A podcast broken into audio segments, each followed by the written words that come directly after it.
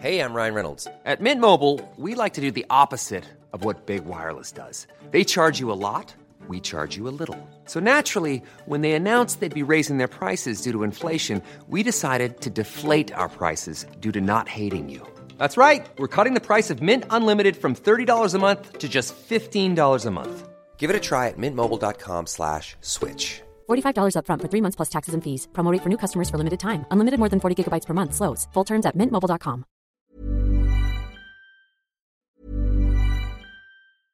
Hey, I'm Ryan Reynolds. At Mint Mobile, we like to do the opposite of what Big Wireless does. They charge you a lot, we charge you a little. So naturally, when they announced they'd be raising their prices due to inflation, we decided to deflate our prices due to not hating you.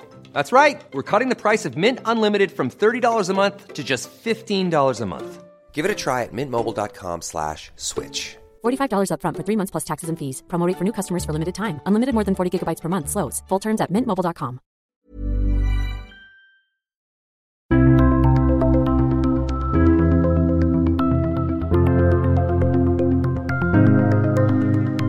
De siste månedene har det hengt mørke skyer over oljebransjen. Koronakrisen og en oljepris i fritt fall har skapt stor usikkerhet, spesielt for oljeleverandørene. Men nå er det klart at bransjen får redningspakken han har venta på. Det er IKM-sjef Ståle Skyllingstad fornøyd med. Jeg håper og tror at det vil gi en god aktivitet framover. Det er i alle fall sikkert at det vil forbedre lønnsomheten på en del prosjekt med ca. 3-5 dollar. Og det er ganske mye, det. Så jeg håper og tror det vil hjelpe. Dette sa Skyllingstad til NRK da oljepakken var klar. Han har imidlertid klare forventninger til oljeselskapene. Nei, Nå forventer jeg at de leverer. Nå har politikerne og en samla næring backa de opp. Og, og, vi har levert både som næring, altså leverandørindustri, og politikere har levert. Nå forventer jeg faktisk at oljeselskapene begynner å bestille igjen. Og for Kværners verft i Verdal kom oppturen raskt. Allerede dagen etter oljeforliket kunne Kværner-sjef Carl Petter Løken signere en kontrakt med Aker BP. For at det skulle utløses en kontrakt allerede i dag, er vi jo utrolig takknemlige for og glade for. Så det er jubel i hele Kverner i dag, og ekstremt viktig selvfølgelig for lokalsamfunnet her på, på Verdalen. Du hører på Det vi lever av, en podkast fra Stavanger Aftenblad, Bergens Tidende og E24. Og denne episoden skal handle om oljeleverandører, krisepakke og framtidsutsikter. For er faren over nå? Kan krisepakken bli en hvilepute for bedriftene? Og hva kan oljeleverandørene lære av det som har skjedd? Jeg heter Ola Myrseth, og med meg nå har jeg Kyrre Knutsen, som er sjeføkonom i SR Bank. Velkommen, Kyrre. Tusen takk, Ola. Vi snakker jo ofte om oljeleverandører her, og vi skal snakke litt mer om de i dag. For oljebransjen og leverandørene har jo fått en dobbel krise nå, med koronaviruset og en oljepris som har falt kraftig. Hvordan vil du beskrive situasjonen for oljeleverandørene nå? Hvis vi ser på det som har skjedd, så er det klart at litt sånn generelt for alle bedrifter, så tror jeg vi har vært gjennom en situasjon som har vært veldig eh, alvorlig. Fordi at det var en helsekrise. Eh, den har òg vært veldig krevende, for det har gitt implikasjoner både for driften og for eh, utsiktene. Og så har det vært høy usikkerhet. Akkurat når det gjelder olje og kanskje industri litt sånn generelt, så har man i en periode kunnet tære på ordreserve. Og det var ganske ulikt fra en god del andre som har kortere ordreserver. Industrien jobber jo ofte med lengre ordreserver. Sånn at mens en del bedrifter da veldig fort ble påvirka av korona, så var det sånn at for mange innenfor olja, så måtte de håndtere de utfordringene med eh, korona når det gjaldt liksom helse og tilgang på installasjoner og sånn. Samtidig som mange i industrien hadde liksom aktivitet. Og så var det det har nesten ikke blitt tatt en beslutning de siste fire månedene på ny aktivitet. Det har stort sett vært utsettelser, nedskalering. Så ordreserven falt kraftig, så man sto nå litt kant, på kanten av stupet. Der man ikke hadde blitt så mye påvirka ennå, men der omslaget kunne bli enormt stort. Um, så altså akkurat nå har vi jo fått en, en støttepakke, et bredt forlik, som jeg tror gir litt håp igjen for bransjen, men det var ganske dystert. Eh, hvis ikke den pakken hadde kommet på plass, eller hvis ikke den hadde blitt tilstrekkelig god nok, så hadde vi nok sett eh, ganske mye mm, lavere aktivitet og nedbemanning, ganske krevende tider for bransjen eh, utover sommeren og høsten. Mm. Vi kommer komme tilbake til den krisepakken om ikke så lenge. Men fire ganger i året så presenterer jo dere i SR-Bank et konjunkturbarometer som tar pulsen på næringslivet i Sør-Norge. Årets første barometer kom i januar, altså før koronakrisen, mens den ferskeste analysen kom nå i slutten av mai. Hva har skjedd fra januar til mai? Det som har skjedd, er at 2018 lå an til å bli et ok år. 2020. 2020, ja, sorry. 2020 lå an til å bli et bra år. 2019 var et bra år med god vekst for ganske mange. Så vi hadde en litt sånn, hva skal vi si, litt lavere tempo i økonomien, men fortsatt ganske god vekst. Og da hadde vi en indeks som måler andelen positive bedrifter, da, sånn, for å gjøre det enkelt, i Sør-Norge. Når den er over 50, så er det bra. Da er det større enn 50% som er eh, positive. Og den lå på 58 i januar. Så det var egentlig bra nivå. Det var greit trykk i alle bransjer, og det var høyest eh, temperatur da i, innenfor det oljerelaterte. Og nå i mai så kom man inn på 44, så det var, har vært et veldig stort eh, omslag. Både når det gjelder hva som har skjedd, men òg utsiktene framover. Og eh, vårt barometer òg stilte litt spørsmål med dette er det verste egentlig bak oss. For eh, det kan godt hende at for de bedriftene som har vært nedstengt, så er det helt klart at når du da begynner å åpne igjen, ja da er det verste bak deg, fordi da er du i gang igjen. Altså du, var, du hadde nær, altså veldig lav aktivitet, og du kom i gang.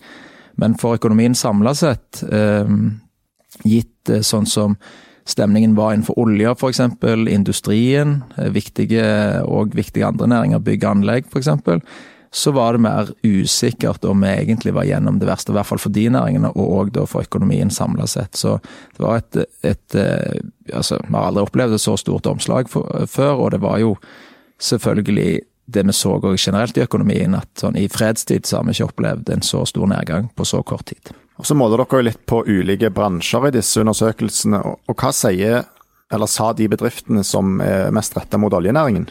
Ja, det, det, var liksom virkelig eh, Hva skal man si det, det, De tallene var, de var så lave at du begynner å lure på hva er det som nå skjer i bransjen. Men var denne todelingen som jeg var inne på, at liksom du, har, du har hatt en periode der du faktisk har et ordreserve, så du har et grei aktivitet. Og så var det et vanvittig omslag. og Bare for å illustrere det, så var det sånn at det var, det var over 50% som sa at de hadde hatt vekst de siste tolv månedene. Så vi var fortsatt på en, en, en eh, oppadgående kurve, men det var kun 24% som sa at de venta økte ordrereserver framover. Og når du har 20, kun 24% så betyr det jo at 75% venter fallende ordrereserve.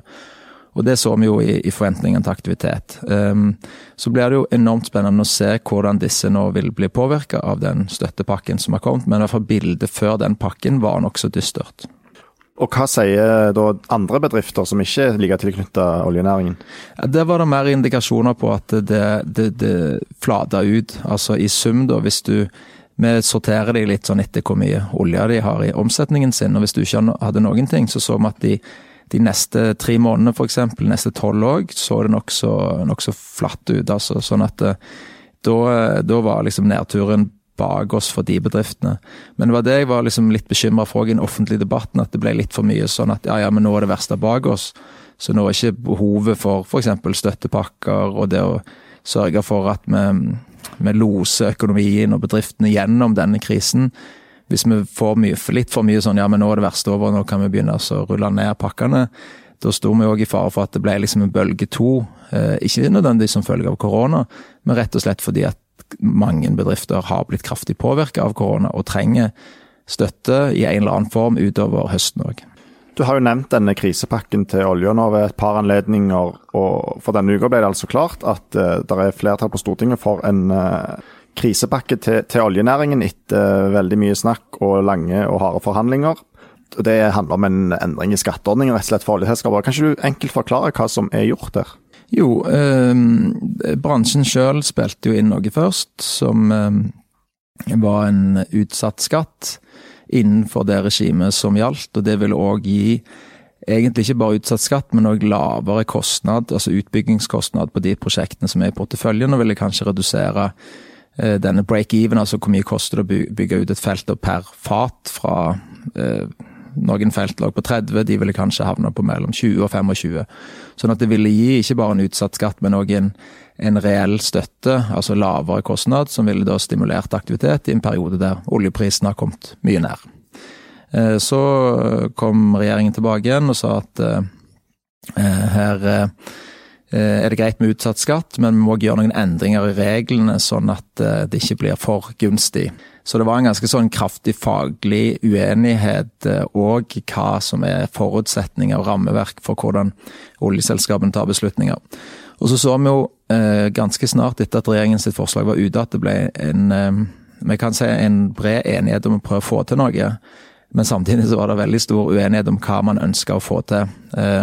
Eh, og det forslaget som til slutt nå eh, fikk et bredt forlik i Stortinget, det gir eh, Eh, utsatt skatter, og òg eh, noe lettelser i eh, utbyggingskostnaden. Ikke fullt like mye som det bransjen ville ha, fordi at man Det er litt sånn teknisk da, hvor du legger dette fradraget henne. Før så har man måttet avskrive investeringene over en del år. Nå kan man ta det rett mot resultatet med en gang. Og Det gjør jo at du får en utsatt skattebetaling, og så er den såkalte friinntekten. Det er jo en en ekstra hva skal man si, kompensasjon til selskapene for at du tar investeringen med en gang, og så kommer inntektene langt fram i tid. Og Det var den friinntekten som var det store spørsmålet. Og den fikk man kun i eh, særskatt og ikke alminnelig skatt. Og det kan man kanskje forstå fordi at eh, med en gang man begynner å jobbe inn i alminnelig skatt, så kan andre selskaper bli, eller andre bransjer bli interessert i å få til noe i, i den alminnelige skatten. Eh, men heldigvis så ble det òg lagt inn det som bransjen ønska, at det skulle være prosjekter som ble levert inn fram til og med 2022, og godkjent da innen 2023. Sånn at eh, jeg tror samla sett at, eh, at, bransjen, i hvert fall i tilbakemeldingene som vi ser så langt, har vært at dette er en løsning som vil gi økt aktivitet for bransjen.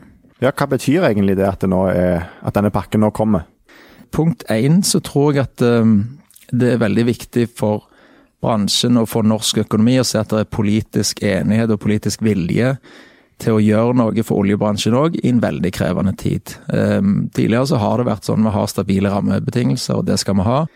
Og så er det en sannhet med modifikasjoner, men det er lenge siden uh, man har samla seg så bredt for å gjøre noe for bransjen i en situasjon, og er situasjonen veldig spesiell, selvfølgelig, men, men, jeg tror det, den tar ned usikkerheten. Så det er det første punktet. At det, det viser at det er politisk vilje i Norge til å, til å gjøre tiltak for den bransjen når det virkelig trengs. Eh, det andre er jo selvfølgelig at den demper jo nedturen. Det er jo det som er hovedpoenget her. At aktiviteten, aktivitetsfallet ikke blir så kraftig som det det kunne ha blitt. Og med alle de titusenvis av jobber som dette kunne innebåre. Altså bare Equinor har jo skissert opp 20 eh, prosjekter, investeringer på 40 milliarder på to år, som veldig enkelt er 40 000 årsverk. 20 eh, 000 i året, da, for å gjøre det enkelt. Og 20 000 det er nesten en prosent av alle som jobber i Norge, som er høyt i verdikjeden. Og store faren, selvfølgelig, hvis fallet blir bratt, er jo at det òg påvirker ja, det påvirker det grønne skiftet. For det, mange av disse selskapene jobber òg med å, å justere forretningsmodellen sånn de får flere bein å stå på, men òg å bistå Eh, hjelpe til med at norsk økonomi beveger seg i en mer bærekraftig retning. Nå ligger jo ballen på mange måter hos oljeselskapene. Nå må vel de levere, da? Ja, det tror jeg er viktig. For eh, når jeg sier at usikkerheten er tatt ned, og at det er politisk vilje og liksom et bredt forlik, så ligger det jo implisitt at da forventer de jo at dette, eh, disse tiltakene får den effekten de ønsker, nemlig at man demper nedturen. Og vi har sett litt konturer av det allerede. Eh, noen prosjekter, både Equinor og Aker BP, som kom i forbindelse eller rett etter det ble godkjent. Og så gjenstår det litt å summere opp da hvor mye alt dette blir til. Og det påvirkes jo ikke bare, altså bare av pakken. Det er klart at eh, prisene er viktige og sånt, men, eh, men, jeg tror nok at det er viktig at bransjen på et vis kommer med en respons etter hvert på å si at denne pakken bidro til, til å til å redde så og så mange arbeidsplasser eller så og så mange eh, milliarder i investeringer. Er faren da over for oljeselskaper og oljeleverandører nå? Jeg vil ikke si faren er over, eh, for prisene kan jo fort begynne å falle igjen. Eh, og prisbanen som de fleste jobber med nå, tror jeg er ganske mye lavere enn det den var. Og så er det klart òg, det er jo en underliggende problemstilling om det har skjedd noe fundamentalt i markedet. Altså om etterspørselssiden som følge av korona, reiseliv, påvirkning på industrien i hele verden. Om den etterspørselsbanen etter olje og gass er lavere nå enn det den var før, og hvordan de enkelte selskapene skal tilpasse seg det. da. Så jeg vil ikke si faren er over, men jeg vil si at det var enormt viktig at dette fikk på plass for å ta ut den der risikoen for at vi nå på nokså um, I vårt barometer som målte vi bare de tre neste månedene, så var det veldig mange av selskapene som så mye lavere aktivitet, og dermed òg måtte tilpasse arbeidsstokken til det. Så vi, vi, vi demper faren for det voldsomme nedturen. Men eh, det er nok litt tidlig å si at eh, faren er over ennå, for det er klart at eh, prisene er høyst usikre ennå. Og jeg tror nok en del av selskapene òg ja, de er i tenkeboksen på hvordan man liksom skal tilpasse seg den mm. verden og, og energimarkedet etter korona. Og så nevnte du at uh, vi står i en situasjon hvor vi, er avhengig av grønn omstilling, som òg oljeleverandørene skal være med på. Og vi er òg avhengig av å finne andre bein å stå på enn olja for framtida. Kan en kriseløsning som dette her bli en hvilepute for bedriftene? Um, jeg tror at det var noe helt nødvendig for å kunne fortsette med omstillingen. og Du så jo at uh, en del av uh, de prosjektene som var en del av dette med å få ned utslippene på norsk sokkel, f.eks. elektrifisering. Men òg fornybar, hvis vi tenker på havvind. Så er jo det prosjekter som i utgangspunktet er marginalt lønnsomme. Og som Noen av de måtte jo altså Havvind har jo fått støtte, men òg en del av de andre prosjektene har vært avhengig av enten støtte, eller at man aksepterer da selskaper med, med marginal lønnsomhet. Sånn at jeg tror at det var helt avgjørende for den videre reisen òg for det grønne skiftet klima, at man i kjernevirksomheten, som har vært olje og gass, og som nok er det ennå for mange, Eh, at det er nok tilstrekkelig aktivitet der, sånn at man kan bygge, bygge broer fra der vi er nå, og der vi ønsker å være. Hvis det ikke så kunne det være en fare for at man rett og slett eh, måtte nedskalere viktig arbeid med klima av rent økonomiske hensyn for å kunne overleve som bedrifter. Mm. Nå ser det altså litt lysere ut for oljeleverandørene enn det gjorde for ikke så lenge siden. Eh, men allikevel har de jo fått seg en skikkelig støkk nå. og Usikkerheten, er der jo fortsatt, selv om det har kommet en løsning med en, krisepakke nå. Det sies jo ofte at en krise er en mulighet, at man ikke må kaste bort en god krise og, og sånne ting. Kan en situasjon som dette også innebære muligheter for oljeleverandørene? På et vis så tvinger det jo Altså hele, hele forretningsmodellen blir jo kasta litt opp i lufta. Um, og for de som har begynt å få flere bein å stå på, og som har fått en god posisjon, så kan det jo på et vis tvinge selskapene til å gjøre mer av andre ting. Men samtidig så er det det, man er litt tilbake til at hvis det ikke er penger i kassen, så er det vanskelig å satse nytt. Sånn at det, det, må, være, det, det må, være, aktivitet, det må være inntjening. og Det, vi òg nå ser, er at denne eh, krisen har jo òg gjort at f.eks. strømprisene er jo veldig lave.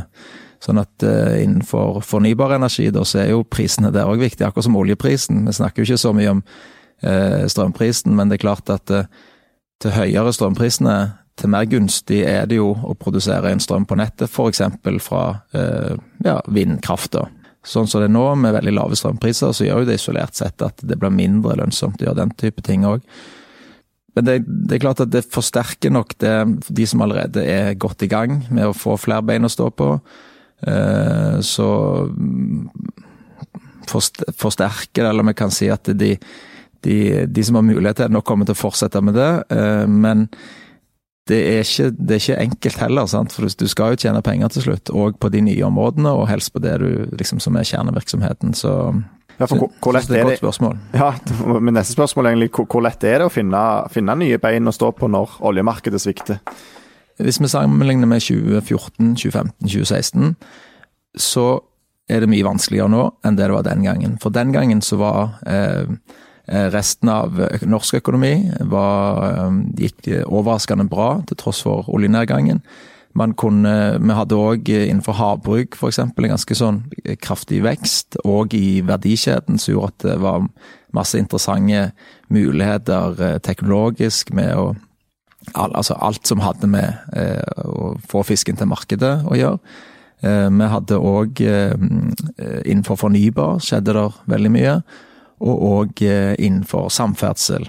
Eh, og nå ser vi jo at eh, alle disse områdene, med litt ulik grad, men blir påvirka av korona. Og da er det ikke like lett å liksom gå fra ett marked, selv om det kanskje er det markedet som kunne fått en kraftigst nedgang nå, til et annet marked hvis det òg opplever nedgang. Så det er lettere å drive omstilling når du har markeder å omstille deg til som er i oppgang.